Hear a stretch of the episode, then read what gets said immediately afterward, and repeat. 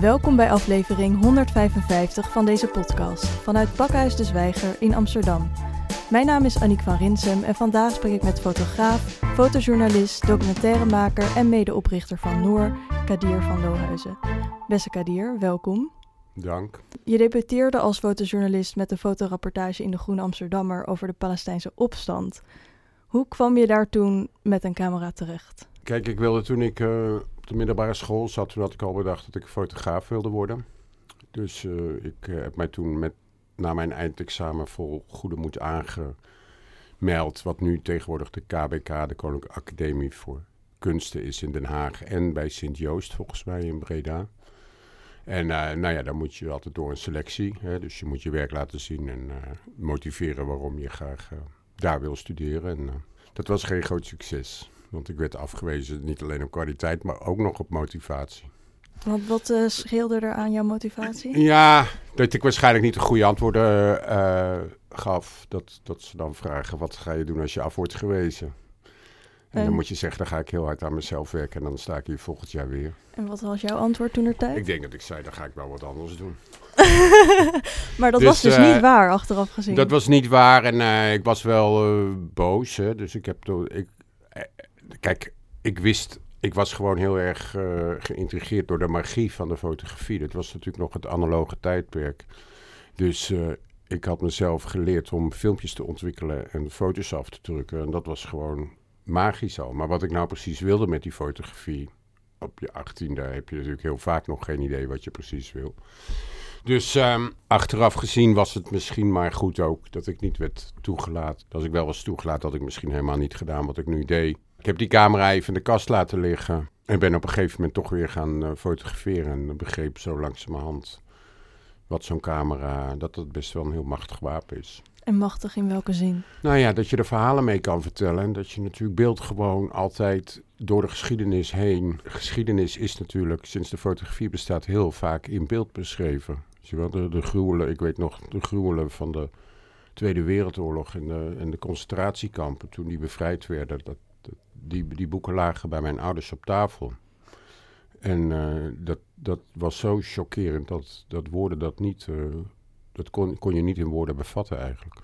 Dus dat, die, dat beeld is heel erg krachtig. Dat maakte grote indruk op jou toen je zag ja, wat dit gaan doen. en dat was natuurlijk gewoon, uh, weet je, dat als ik terugdenk, weet je wel, ik, ik groeide op met de, met de eerste mens op de maan, de Vietnamoorlog, wat er gebeurde in Latijns-Amerika, de coup de Pinochet. Uh, weet je wel, dat waren altijd, dat zijn foto's die op je netvlies gebrand zijn.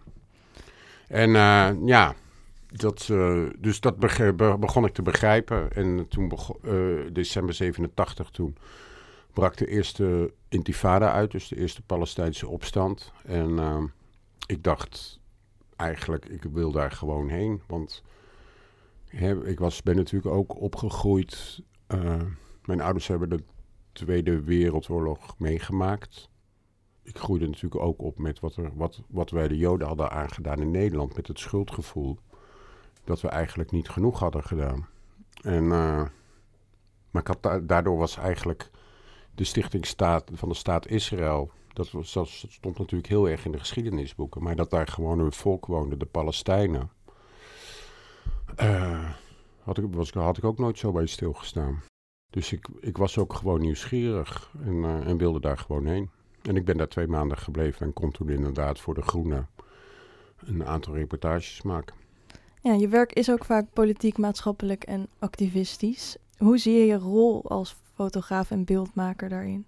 Ik voel me in eerste instantie gewoon journalist. En, uh, hè, dus de, de, je hebt journalisten die met een pen schrijven, je hebt journalisten die met licht schrijven. Dat zijn fotografen. En tegenwoordig ben je wel veel, veel moet je ook veel meer van alle markten thuis zijn.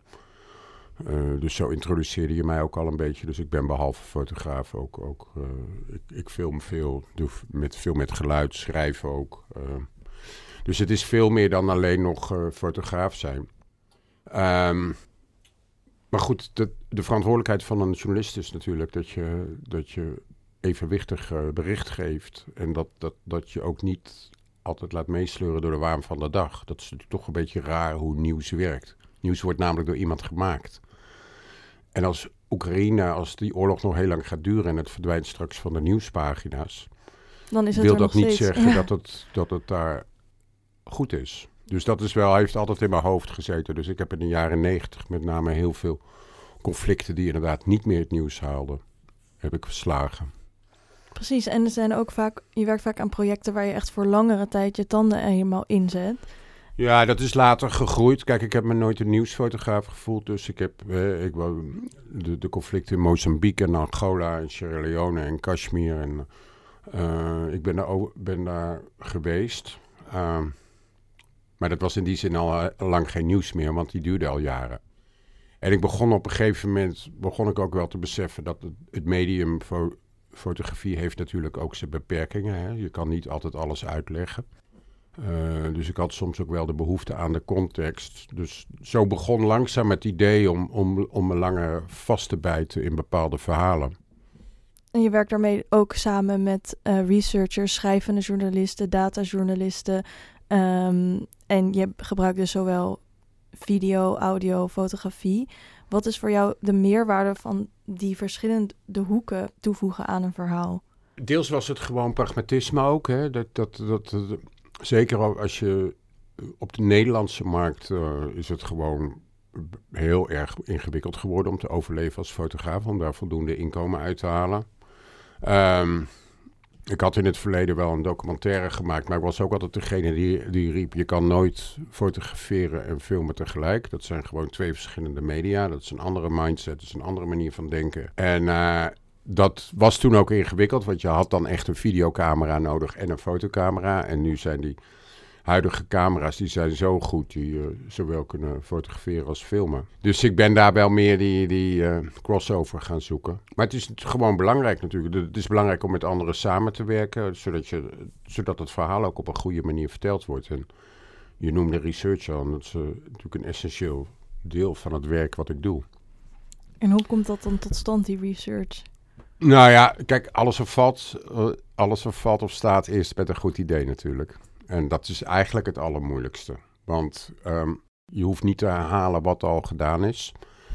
Tenzij je echt zo overtuigd bent dat je een andere invalshoek hebt. Of, eh, of dat, je, dat het jouw werk beter zal zijn. Ehm, dus het valt of staat natuurlijk met, met een goed idee. En, en dan, ja, research is natuurlijk eigenlijk, zeker met grotere projecten, is dat gewoon essentieel. Je moet natuurlijk weten waar je het over hebt. En, eh, en goed beslagen te ijs komen. Zeker als het gevoelige onderwerpen zijn. Precies, maar hoe ontstaat dat dan? Je hebt misschien iets wat je interesse aanwakkert. Ten eerste, wat maakt dat dingen jouw interesse aanwakkeren? Hoe ga je aan op een verhaal? Dat is altijd iets wat, wat groeit. Wel, het begint meestal klein en dan wordt het uiteindelijk groter. Omdat je je- mede door de research, wat je leest, wat je ziet, eh, begrijpt dat dat... Het is altijd complexer dan je denkt. Ja, precies. Maar En de wereld is sowieso complexer geworden. Ehm, nou ja, een goed voorbeeld is... eh, ik werkte aan een... eh, dat was een groot project over hedendaagse migratie in de Amerika's. Dus ik reisde van, eh, van een puntje van Zuid-Amerika naar Noord-Alaska. En ik kwam halverwege op een groep eilanden terecht in, eh, aan de Caribische kant van Panama. En ik had gehoord dat mensen daar eh, weg zouden gaan. Dus ik ben er naartoe gegaan en om, nou ja, gewoon om mensen te interviewen waarom ze weggingen daar. Hè, waarom ze naar elders zouden migreren. En toen vertelden ze dus dat de zeespiegel aan het stijgen was. En dat het onveilig was om te wonen. Dat ze hun gewassen niet meer konden verbouwen omdat het land aan het verzilten was. Dat er geen veilig drinkwater meer was. En toen begon bij mij een kwartje te vallen dat dat verhaal over die stijgende zeespiegel... Wat, wat ik wist, maar ook ervan uitging dat dat toch nog iets was wat in de verdere toekomst lag. We hebben het nu over 2011 Mhm. dat dat gewoon eh, vandaag de dag speelt. Dus, en dat, dat, zo is dat een begin geworden van een project waar ik eigenlijk op en af tien jaar aan gewerkt heb. En dit is Ja. inderdaad een goed voorbeeld. Want hoe kwam je in eerste instantie daar terecht dat je dacht... oké, hier is een verhaal. En wat was in eerste instantie de insteek... en wanneer dacht je, oh, hier gaat het eigenlijk Nee, over? nou ja, wat, kijk, wat het, wat het verhaal wat ik aan het maken was, ging over, over hedendaagse migratie in Amerika's. En de reden waarom ik dat wilde doen, omdat toen ook al de sentimenten vrij negatief waren over migratie in Europa en in Amerika. hè, dat mensen het uh, bedreigd voelden. Het voelden als, als, als iets wat, nou ja, we, we kennen inmiddels de, de terminologie van, van, van het populisme. Migratie is natuurlijk zo oud als de mensheid. Ik bedoel, als, je allemaal, als we allemaal ver genoeg teruggaan in onze, onze roots, dan komen we eigenlijk bijna allemaal ergens anders vandaan. Nou, dat geldt in ieder geval ook voor de, voor de twee Amerika's. Dus dat, dat ik op die eilanden terecht kwam, was omdat ik via via had gehoord dat mensen daar zouden migreren. Ja. En ik had, was gewoon, ik had geen idee waarom. Dus dat, dat... is gewoon nieuwsgierigheid die je daar dan brengt. Ja, want het was ook echt, het waren echte verhalen van mensen. Van, hè, sommige mensen waren natuurlijk vanwege, heel veel vanwege economische redenen, maar ook vaak uh, vanwege conflicten, maar ook steeds vaker natuurlijk van, vanwege de klimaatcrisis. En wanneer in dat uh, proces van onderzoek gaat er dan iets aan van, oh, maar het gaat eigenlijk ook over zeespiegelstijging en over klimaatmigratie en wanneer weet je dan, ik ben nu zoveel stappen weer verder dat dit een interessant verhaal is. Kijk, de, de, eerste instantie doe je dan natuurlijk de research om te kijken of dat soort verhalen eigenlijk al verteld zijn. En dat was eigenlijk niet zo. Zeker niet op een mondiaal niveau. Want we doen, hè, wij doen natuurlijk toch nog steeds te vaak alsof die klimaatcrisis ergens is van ver Wegistan. En dat dat niet hier gebeurt. Nou, inmiddels zijn we wel zover dat we in Nederland ook wel begrijpen dat er echt iets aan de hand is. Um, maar goed, dat, ik voel dat heel erg ook als. Ik heb veel met water. We wonen, we zitten hier in Amsterdam, we zitten onder de zeespiegel. Toen we Noor oprichten in 2007. Uh, eh, toen hebben we in 2008 hebben we al een groot project gedaan met alle fotografen over, over de klimaatcrisis. Dus we waren best wel vroeg. Dus het zat al heel erg in mijn hoofd dat ik, dat ik besefte dat er echt iets groots aan de hand is. En iets heel erg groots op, op ons afkomt. Ja, precies. Dus in 2007 richtte je samen met Stanley Green uh, Noor op, nadat jullie bij... Nou, kijk, Stanley Green en ik zaten bij een agent, Frans agentschap, Agence VU. En wij, hebben inderdaad het idee gekregen, dit zou eigenlijk allemaal anders moeten. Dus ehm, jullie zaten bij Agence VU en toen wilden jullie iets anders. Wat wilden jullie dan anders? Nou, kijk, dat, rond, we, hebben het over de tijd dat, dat de, transitie, de transitie tussen analoog en digitaal was gaande. De traditionele agentschappen die hadden gewoon een heel groot fysiek archief. Weet je wel, dat waren, waren prints. Mhm. Eh, en die moesten allemaal gescand worden. Dus dat betekent dat dat was dus een grote logistieke operatie, maar daardoor was ook de overhead van, van dat soort agentschappen hoog. Dus ze hadden fysiek veel ruimte nodig. Uh, om dat archief kwijt te kunnen, om uh, hè, veel staf. Dus wij dachten, wij gaan dit allebei beginnen gewoon het eerste, een van de eerste agentschappen die gewoon digitaal is. Dus we hebben helemaal geen fysiek archief. Dat, dat, hè, dus de fotografen waarmee we begonnen zijn, we waren met z'n acht in totaal, dus we zijn acht, oprichters eigenlijk. Stanley en ik eh, waren de bedenkers. Uh, dat was wel best wel nieuw. En uh, dat betekende dus niet dat wij een, een, een, verleden achter ons aansleepten. Letterlijk. En wat is daar uh, dan het voordeel van? Behalve dat je minder ruimte nodig hebt. Nou ja, maar dat was, dat was heel erg belangrijk. Want het probleem was dat het, dat het, dat verdienmodel, het businessmodel van die agentschappen, dat dat mank ging. Want uh, om, om dat te kunnen betalen, nee, maar da daardoor dragen, droegen de fotografen droegen percentages af. Nog steeds. Maar op het moment dat je natuurlijk 40 of 50 procent van een verkoop van een fotograaf inhoudt. En de tarieven zijn altijd al laag geweest, mhm. is dat eigenlijk niet meer houdbaar. En dus, wat maakte die switch nou dan niet zo'n archief hebben dat het. Uh, de, kosten werden, de kosten werden heel veel lager. Dus wij begonnen met twee mensen in een klein kantoortje. Dus uh, terwijl we, dat grappige was dat toch veel mensen vanuit dat traditionele dachten. Dus die dachten dat we een groot kantoor hadden. En dat we dan ook nog een kantoor in New York hadden. En ook eentje in Parijs. Maar jullie hadden één computer. We hadden gewoon, ja, echt. Ja. Dus dat was, maar dat was best wel een eye-opener. Dat, dat, dat het dus ook gewoon anders kon. Um, en Noor, kan je wat vertellen over hoe die naam is ontstaan? Nou ja, zoals dat altijd gaat, met name, daar is heel lang over uh, gesteggeld en uh, gediscussieerd. En, uh, het was een collega, een Amerikaanse collega, die, die kwam op een gegeven moment, die, die riep deze naam. Volgens mij is het zo gegaan uiteindelijk.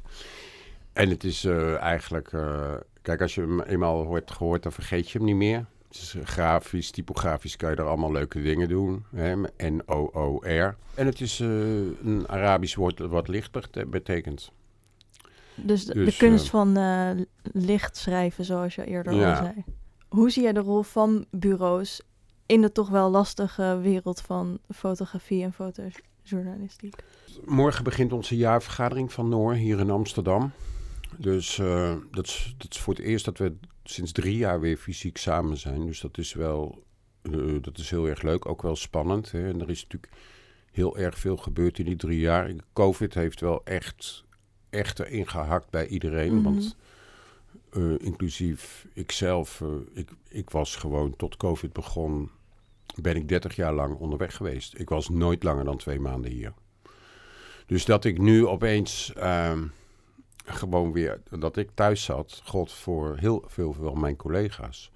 Dus dat betekende dat, dat de productie heel erg omlaag ging. Daarbovenop eh was er natuurlijk al de discussie gaande die aangewakkerd werd door de Black Lives Matter bewe- beweging. Namelijk over dat het diverser moet, dat, het, eh, dat je moet nadenken over je representatie. Dat je moet nadenken of het nou wel nodig is dat ik, witte fotograaf, naar Nigeria ga. Of dat dat niet een lokaal, of dat niet, eh, of dat niet een lokale fotograaf is. En dat is, is eh, eigenlijk in een stroomversnelling gekomen door, door deze pandemie. Omdat dus eh, al die journalisten die konden ook niet naar Afghanistan of, eh, of elders. Dus dat moest ook lokaal geproduceerd worden. Hoe kijk je daar zelf als witte fotograaf Nou, die de hele wereld heeft ja, afgereisd nou ja, ik denk dat het. We hebben het er wel lang, al langer over gehad bij Noord. Dat het toch dat er iets moet veranderen. Wij waren ook best wel. We, we, zijn wat di- we waren diverser dan we vandaag zijn. Ik moet zeggen dat we nu. Eh, naar mijn smaak zijn we te veel een US European Centered Agency. Mhm. Wij waren, toen we begonnen, was, eh, was, was dat diverser. Maar goed, mensen komen en gaan. Ehm, maar goed, we, we gaan deze week het er serieus over hebben. Hoe we dit, of we dit niet anders moeten gaan inrichten. En los van dan je bureau, als jij als individu, er is ook een reden waarom jij de wereld over bent gegaan. Dat heb je ook vanuit een, een interesse of een bepaalde Ja, visie. Natuurlijk. Gedaan. ik, kijk, ik, ik vind ook helemaal niet dat het, dat, dat dat dus helemaal niet kan. Weet je wel, ik, eh, ik, ik vind ook dat een eh, Chinese fotograaf hier moet komen. En dat het iets heel interessants kan opleveren als Mhm. iemand, een buitenstaander, eh, tegen Nederland, Nederland aankijkt. Mhm. Maar het, het moet wat meer in balans komen. Want ik dacht ook toen je dat verhaal vertelde over dus die zeespiegelstijging, dat je toen daar was en je ook vertelde in Nederland hebben we het gevoel dat het een ver van ons bedshow is.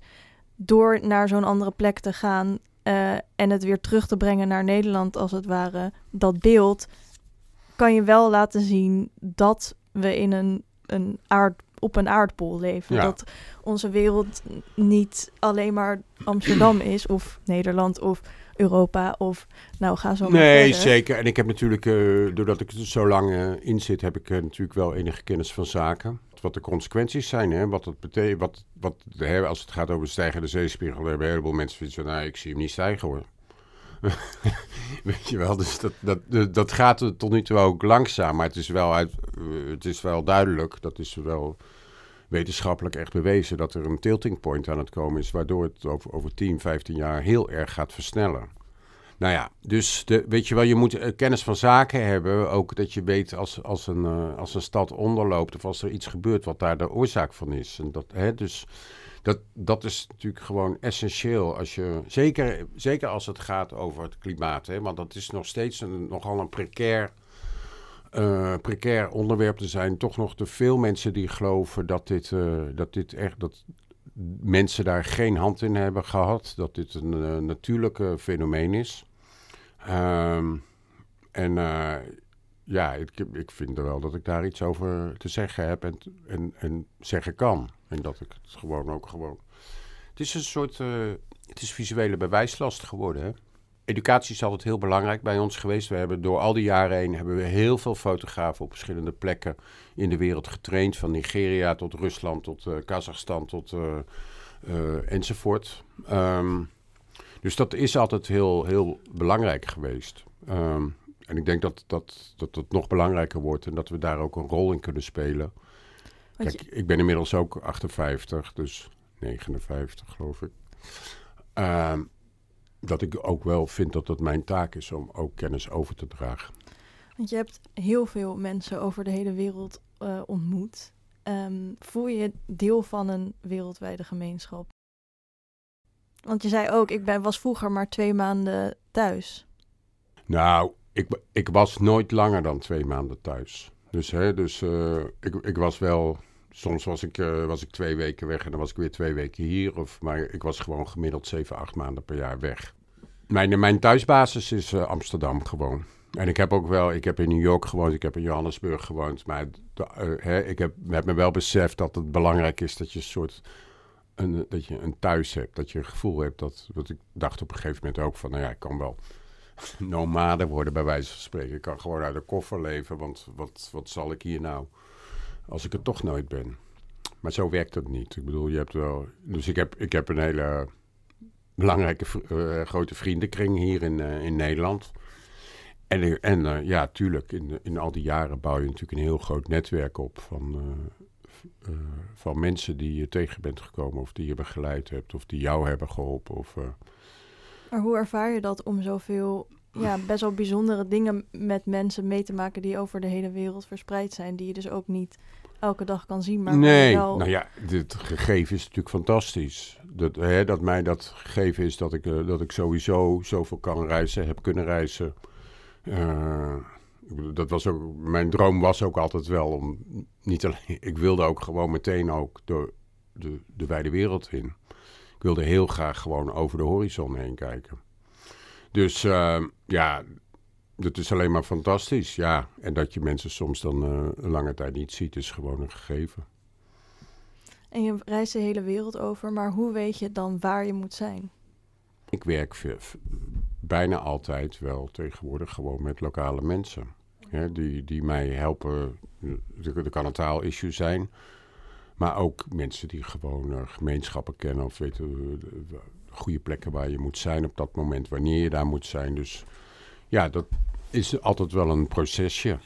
En hoe vind jij die mensen, hoe weet je waar je moet zijn om de mensen te vinden die moet weten waar jij moet zijn? Nou, kijk, de, de- het voordeel is van dat je als je langer werkt, is dat je, dat, je, dat je netwerk steeds groter is. Toen ik begon was er natuurlijk ook geen social media. Dat heeft ook geholpen. Hè? Dus eh, als ik op LinkedIn of zo post van, eh, weet iemand, eh, goed iemand in eh Chittagong in, eh, in Bangladesh. eh, die met mij zou willen samenwerken de komende periode, dan, dan is de kans vrij groot dat daarop gereageerd wordt. Ehm, je bent een gevestigd fotograaf, journalist, beeldmaker. Ehm, maar wat maakt dat je daarnaast ook zoveel van je tijd en energie in Noor steekt? Dat is soms is dat zo. Maar het hele idee van Noor, van Noor is vooral dat de, de fotografen, de auteurs die daar aangesloten zijn, dat die zoveel mogelijk tijd kunnen besteden om hun eigen verhalen te maken. Dus ik run niet Noor, hè. we hebben gewoon een staf. En eh, ehm, ja, de- deze COVID-tijd is heel erg moeilijk geweest, want eh, zoals zoveel bedrijven, bedrijfjes stonden ook wij op omvallen. Ehm, eh, dus dat. En ik ben de enige Nederlander. Noor zit in Amsterdam, maar ik ben de enige Nederlander. Al mijn collega's eh, die wonen elders in de wereld. Eh, er waren, we hadden twee burn-outs, dus er viel heel veel op mijn schouders. Dus dat was niet, dat was niet de beste tijd. Maar wat maakte dat je dacht, kom maar op mijn schouders liggen en dat je er niet onderuit bent gestapt? Nou ja. Wat is de mm, meerwaarde van Noor voor jou? Kijk, ik denk, an- anders was het gewoon omgevallen. Want eh, we, we zijn ook overeind gebleven dankzij eh, de TVL en de NOW. Hè, dus dat de salarissen voor een belangrijk deel werden gecompenseerd. Ehm, ja, kijk, N- Noris, we bestaan nu 15 jaar en Noris wel, wel hè, wij, wij worden to- we zijn best wel een brand. Dus hè, we hebben echt, echt goed, er zitten hele goede mensen bij. Zijn fantastische dingen gemaakt, worden er nog steeds gemaakt. Dus dat laat je natuurlijk niet zomaar schieten. Weet je wel, het is natuurlijk ook een beetje eh, deels mijn kindje. Dus dat is natuurlijk. Ja, kijk, als we om waren gevallen omdat we financieel omvielen, dan was dat niet anders geweest. Maar er zat gewoon, er was altijd een lichtje aan het eind van de tunnel. En laten we wel wezen, toen, nou, toen COVID begon, we hadden allemaal geen idee. Hè? Dus we dachten ook allemaal van, nou ja, dat zal een maandje duren en dan... Uh, gaan we gewoon weer vrolijk verder. Als, we, als wij van tevoren allemaal hadden geweten dat dat twee jaar zou duren. maar goed dat we dat niet wisten, denk ik. Maar wat is dan de meerwaarde? Want je zei net al die fotografen. De meerwaarde is gewoon dat, dat, dat, weet je wel, als ik alles zelf zou moeten doen. Dus ik word natuurlijk gewoon heel vaak benaderd uh, uh, dat, dat mensen beeld nodig hebben. Of dat ze graag een tentoonstelling willen hebben. Of dat ik een lezing moet geven of een workshop. Ik kan dat gewoon naar Noord duwen en die, die coördineren een belangrijk deel. En dat, dat maakt gewoon dat ik veel meer tijd heb om, uh, om goede dingen te maken. Wat zouden fotografen zijn zonder bureaus? Nou ja, kijk, wat, wat jij ook eerder zei, kijk, de tijden zijn wel veranderd. Dus, de, hè, dus wat ik net zei, dat, dat er natuurlijk een vraagstuk ligt of het altijd wel dan die witte fotograaf is. Uh, die naar de andere kant van de wereld moet gaan de, toen wij begonnen was natuurlijk de, de editorial markt, zoals dat heet. Dus de, zeg maar in ieder geval de gedrukte pers, dus de kranten en de tijdschriften, was gewoon uh, onze belangrijkste inkomstenbron. Er zijn heel veel dingen verschoven natuurlijk. Is veel meer naar online geschoven, zonder dat het, dat het verdienmodel meegeschoven is. Dus er, daar is echt wel een probleem. Voor de projecten die ik doe, zal ik nooit een krant of een tijdschrift vinden uh, die voor mij alle onkosten betaalt en zegt doe maar. Heel, heel zelden. Misschien National Geographic. Maar dat, die tijden zijn gewoon voorbij. Dus vandaar ook dat ik ook gewoon diverser in mijn werk heb moeten worden. Niet, ik film, hè, dus ik, ik, ik, ik ben nu een tegenlicht aan het monteren voor de VPRO. Dus weet je wel, het is veel diverser geworden dan het ooit was. Wij waren toen gewoon, toen we begonnen, hardcore fotojournalisten alle conflicten die, die werden wel gecoverd op een of andere manier. En dat is totaal veranderd. En in die zin is de groep ook rijker geworden. En denk ik dat Noor ook in dat, dat, dat, ja, dat we toch wel voor een belangrijk deel mee zijn gegaan met onze tijd. Maar de, het, ja, het is best echt heel moeilijk om, uh, voor mensen om hun hoofd boven water te houden. Het is ook een manier om je te vergemeenschappen met elkaar in die wereld. Tuurlijk, ik bedoel, we, we hebben de, de, we, de, de, de fotografen die bij Noor in eerste instantie zaten en die wij gevraagd hebben, dat waren fotografen. Er waren een aantal voorwaarden. Je moest zelfstandig zijn. Zelfstandig in je werk en in je. Hè, dus geen, die waren geen fotografen die in dienst waren of staffotografen waren.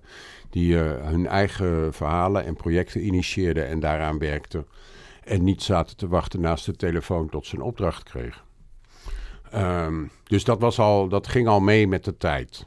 Um, maar ja, het is, uh, het is er gewoon wel moeilijker op geworden. Er zijn, met COVID zijn er echt veel collega's onderuit gegaan. Die het gewoon niet meer konden bolwerken financieel. Ben je nostalgisch naar de tijd dat jullie allemaal fotojournalisten waren... en een goede foto voor elke interessante ontwikkeling afleefde en dat was het? Nou... Nou, niet. Kijk, waar ik me zorgen over maak. Consequentie van dat die budgetten zo laag zijn, is dat, dat, dat, hè, goede journalistiek is vaak onderzoeksjournalistiek. Hè? Dus hoe je het, dat is een beetje hoe je het noemt, maar in ieder geval, er is veel tijd voor nodig om, dat, om, om, om goed onderzoek te doen en research te doen. Het wil niet meteen zeggen dat je dan ook iets moet, moet blootleggen. Maar dus die tijd, die wordt je die wordt je eigenlijk niet, die wordt je niet meer gegeven of gegund door de traditionele media. Dus er wordt heel snel gezegd van, nou, dan vraag je toch een fonds aan. Ja, dat kan. Maar er zitten heel veel mensen in diezelfde vijver te vissen. En, uh, en ik vind dat goede onafhankelijke journalistiek ook een verantwoordelijkheid is van de media zelf. Waarom is dat uh, verschoven of waarom lijkt dat nu minder belangrijk? Ik denk dat dat, uh, ja, omdat dat deels gewoon winstmaximalisatie is. Hè. Toen ik begon waren er, waren er best nog veel kranten en tijdschriften die gewoon zelfstandig waren. Het is, tegenwoordig zijn het allemaal hele grote persgroepen. Uh, dus... Wat kan je daar tegen doen? Wat doen jullie daar tegen als jullie daar al iets kun tegen kunnen doen? Nou ja, er is natuurlijk veel meer mogelijk, weet je wel. Je kan natuurlijk met, uh, met je kan tentoonstellingen maken, je kan op een andere manier uh, het publiek bereiken. Ik zit nog niet op TikTok, maar de, TikTok, maar er kan natuurlijk wel. Uh, er is ook heel veel meer mogelijk geworden. Maar vind je dat spannend? Zou je het spannend vinden om een TikTok-account te doen? Of denk je van, nou, het moet nou eenmaal? Ja, nou ja, kijk, toen ik, toen ik dat, dat grote project over die migratie deed, toen, uh, ik had toen wel een Facebook-account, maar ik had geen idee wat ik daarmee moest. Hè? Mensen gingen allemaal op Facebook hun hond uitlaten. Of nou ja, dus, ik, ik, dus ik deed eigenlijk niks daarmee. En toen, toen ik eenmaal weg was, en ik was een jaar lang aan één gesloten weg, en we hadden een app gebouwd voor de iPad die net uit was, toen kreeg die social media opeens een functie. Weet je wel, ik kreeg opeens een audience daardoor. En ook een local audience. Weet je wel, dus ik was letterlijk zo dat ik gewoon postte. Ik ben volgende week in, uh, in uh, kom ik in Bolivia aan. Als iemand nog goede ideeën heeft voor goede verhalen, uh, graag. En dan kreeg ik gewoon van Boliviaanse collega's kreeg ik respons. Dat gebeurde, was, dat was nieuw voor mij. Want meestal, weet je wel, publiceer ik of ik publiceer in Trouw of in de Volkskrant of in de Washington Post of de New York Times. Dan krijg maar je niet is, direct een... Nee, dat is dan toch al, dat is heel ver buiten van waar ik geweest ben en waar het verhaal over gaat. Dus dat was wel een positief. Ja, ja, dat was een uh, eye-opener. Dus in die zin denk ik wel, weet je wel, er kan natuurlijk, weet je wel, je kan natuurlijk zo, je kan ik ben ook niet zo heel goed op, op Instagram. Hè. Er zijn gewoon collega's bij Noord die gewoon 100, 200.000 volgers hebben. Weet je wel, dus daar, daar, kan... Het is best wel... Uh, er zijn zoveel nieuwe platforms. Uh, ja, en er zitten dus die positieve nieuwe mogelijkheden aan vast, zoals je net zei. Maar als je ook weer kijkt naar het feit dat jij soms jaren met één onderwerp bezighoudt... en het ook volgens mij heel interessant vindt om de hele tijd maar weer verder te graven, kan een platform, social media platform ook heel vluchtig en oppervlakkig misschien aanvoelen. Zeg maar, hoe ga je daar mee om? Nou ja, daar worstel ik af en toe mee. Ik worstel daar mee met, met Instagram. Hè. En dat is natuurlijk, je kan nu natuurlijk wel Instagram stories doen en zo, maar het was altijd één foto. Weet je wel, ik ben niet zo van dat ene beeld. Um, dus soms denk ik van, ik zou daar wel, hè, misschien, nou ja, ik vind, het is allemaal dubbel, hè, want ik, ik denk wel dat, dat die social media, daar kunnen we, we kunnen niet meer zonder. Tegelijkertijd het gegeven dat inmiddels Instagram en uh, WhatsApp en uh, Facebook, dat dat allemaal hetzelfde bedrijf is. Uh, Stemt jou ook niet positief? Nee, dat, nee, ik vind dat ingewikkeld, ja. Hè, dus we het ging ooit veel meer over onze privacy dan het vandaag de dag nog ging. Wij delen dus gewoon ons hele hebben en houden. En dat gaat niet alleen maar over uh, foto's die je post natuurlijk. Noor is uh, eh, 15 jaar geworden. Hoe is Noor in die 15 jaar getransformeerd? We zijn getransformeerd in de zin dat we uh, niet meer alleen maar hardcore fotojournalisten zijn... die vooral aan frontlinies zitten. Het is een veel diversere groep geworden. Sanne de Wilde... Uh,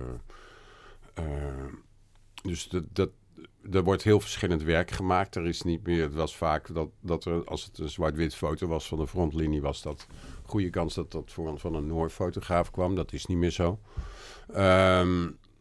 De, die educatie is, is veel belangrijker geworden. En dat is ook wel een beetje waar, welke richting we opgaan. Dat, dat, dat we dat gaan versterken. En dat we ook meer een instituut gaan worden ook. Naast een traditioneel agentschap. En we zijn niet alleen fotografen meer. We zijn ook, een aantal van ons zijn gewoon ook eigenlijk alleen maar filmmakers nog. Als jullie echt een uh, leerschool zijn, hoe gaan jullie dat vormgeven? Nou, daar gaan we deze week over hebben. Daarover uh, meer in de volgende aflevering. maar je hebt daar niet al een paar ideeën over? Nou ja, Kijk, ik bedoel, ik heb er wel iets over gezegd. Hè. Ik, ik, ik vind dat wij de kennis die wij, veel van ons hebben, dat we dat ook moeten delen. Dat, dat, hè, dat is iets wat je ik voel dat bijna als een verplichting. En ik, en ik merk gewoon zelf dat ik, ik, ik heb nu wel. Ik heb heel veel workshops gegeven. Meestal waren dat traditionele workshops in de zin van vier, vijf dagen. Een groep jonge, getalenteerde fotografen. Eh, dus je bespreekt werk, ze kijken naar werk, ze leren editen, ze, je vertelt ze wat over, over de research, hoe je verhaal kan pitchen, enzovoort, enzovoort. Maar dan, dat, dat is dan, dat, na die vier dagen is dat het dan ook. En sommigen zijn dan heel succesvol geworden en uh, dat is heel erg fijn. Maar daar zit geen follow, er zit eigenlijk vaak geen follow-up. Dus ik heb zelf nu veel meer, zie ik dat er ook een behoefte is om, om dat, dat het meer mentoring-programma's worden. Hè? Dus dat je mensen over een langere periode begeleidt. En hoe belangrijk het is dat mensen bijvoorbeeld getraind worden hoe ze klimaatverhalen moeten visualiseren. Uh, want hoe doe je nou eigenlijk de research? Hoe, doe je nou, hoe, check je nou eigenlijk je feiten? Hoe vermijd je clichés? Um, en dat is uh, zeker, vandaag de dag is dat essentieel. En ik weet hoe, hoe, natuurlijk, ik kan nog steeds naar Bangladesh gaan, maar ik weet ook hoe niks is zo onvoorspelbaar als klimaat. En dat is alleen maar onvoorspelbaarder geworden. Dus als jij denkt dat, dat, dat je in de regentijd uh, naar Tanzania gaat en dat daar een salaambel zal onderlopen, is dat, niet, is dat gewoon onvoorspelbaar geworden. Dus je kan beter uh, visual storytellers hebben daar, die weten wat, uh, wat er aan de hand is en die daar ook, ook gewoon onderdeel van zijn. En dat een. Blijft klimaatverandering ook voor jou? Nou ja, het is het aller. Hè, we kunnen. Ik denk dat dat in die zin dat kwartje nog steeds niet is gevallen. Dat me, heel veel mensen niet, het, niet beseffen wat er op ons afkomt. En ik wil hier niet een soort apocalypse nou verkondigen, maar het is echt groots.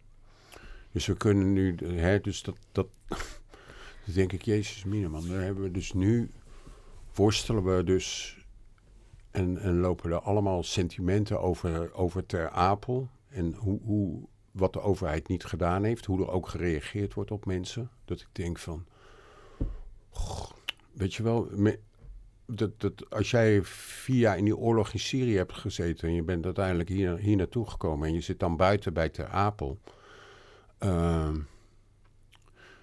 maar tegelijkertijd denk ik de, de stroom vluchtelingen die op gang gaat komen in de wereld. Nou ja, daar verbleekt alles bij. En goede kans uh, dat wij zelf hier in West-Nederland uh, uh, over een eeuw of zo ook wel eens hier weg zouden moeten. En dan hopen dat iemand de deur voor ons openzet. Maar het frustreert je, lijkt het, dat mensen sommige dingen niet inzien. Nou, ik vind dat we, hè, ik vind dat wel, dat is cliché natuurlijk, maar ik vind dat we wel wat meer mededogen en inlevingsvermogen mogen hebben. Dat wij het hier wel zo ongelooflijk goed hebben, dat we ook wel een beetje verwend zijn geworden. En uh, ja, ik bedoel, het kan kennelijk wel, hè, want met de Oekraïne, kon het wel. De deur stond wel open voor Oekraïnse vluchtelingen. Nou ja, goed, er wordt dan een heel verhaal over van uh, dat mensen zich dan meer identificeren met iemand die uit de Oekraïne komt, want die is ook wit en heeft wellicht blond haar, dan met iemand die uit Syrië of Afghanistan komt.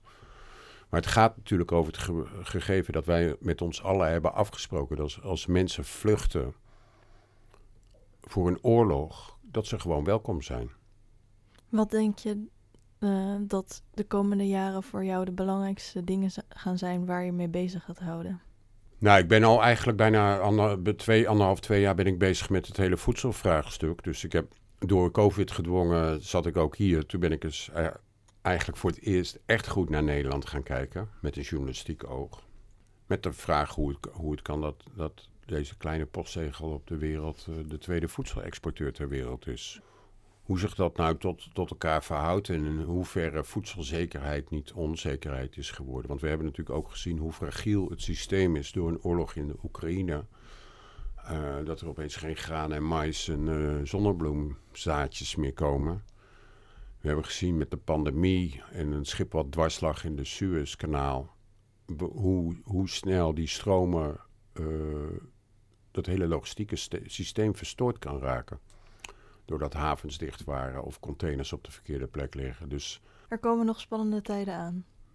Dat denk ik wel, ja. En weet je wel, het is het rare is en, en ook wel logische als je erover nadenkt, is daar eigenlijk dat heel veel verhalen uiteindelijk terug te brengen zijn tot, tot de klimaatcrisis. Er zijn heel veel conflicten in de wereld al die waar het klimaat uh, oorzaak van is. Niet genoeg water, gebrek aan vruchtbare grond enzovoort. Mooi dat jullie mensen gaan opleiden om dat in beeld te brengen. Heel veel dank voor je komst, Kadir van Lohuizen. Beste luisteraars, dit was aflevering 155 van de podcastserie van Pakhuis de Zwijger. Wil je meer weten? Kom dan op donderdag 22 september om half acht naar de Noor 15 Year Anniversary in Pakhuis de Zwijger. Dank voor het luisteren en tot de volgende keer.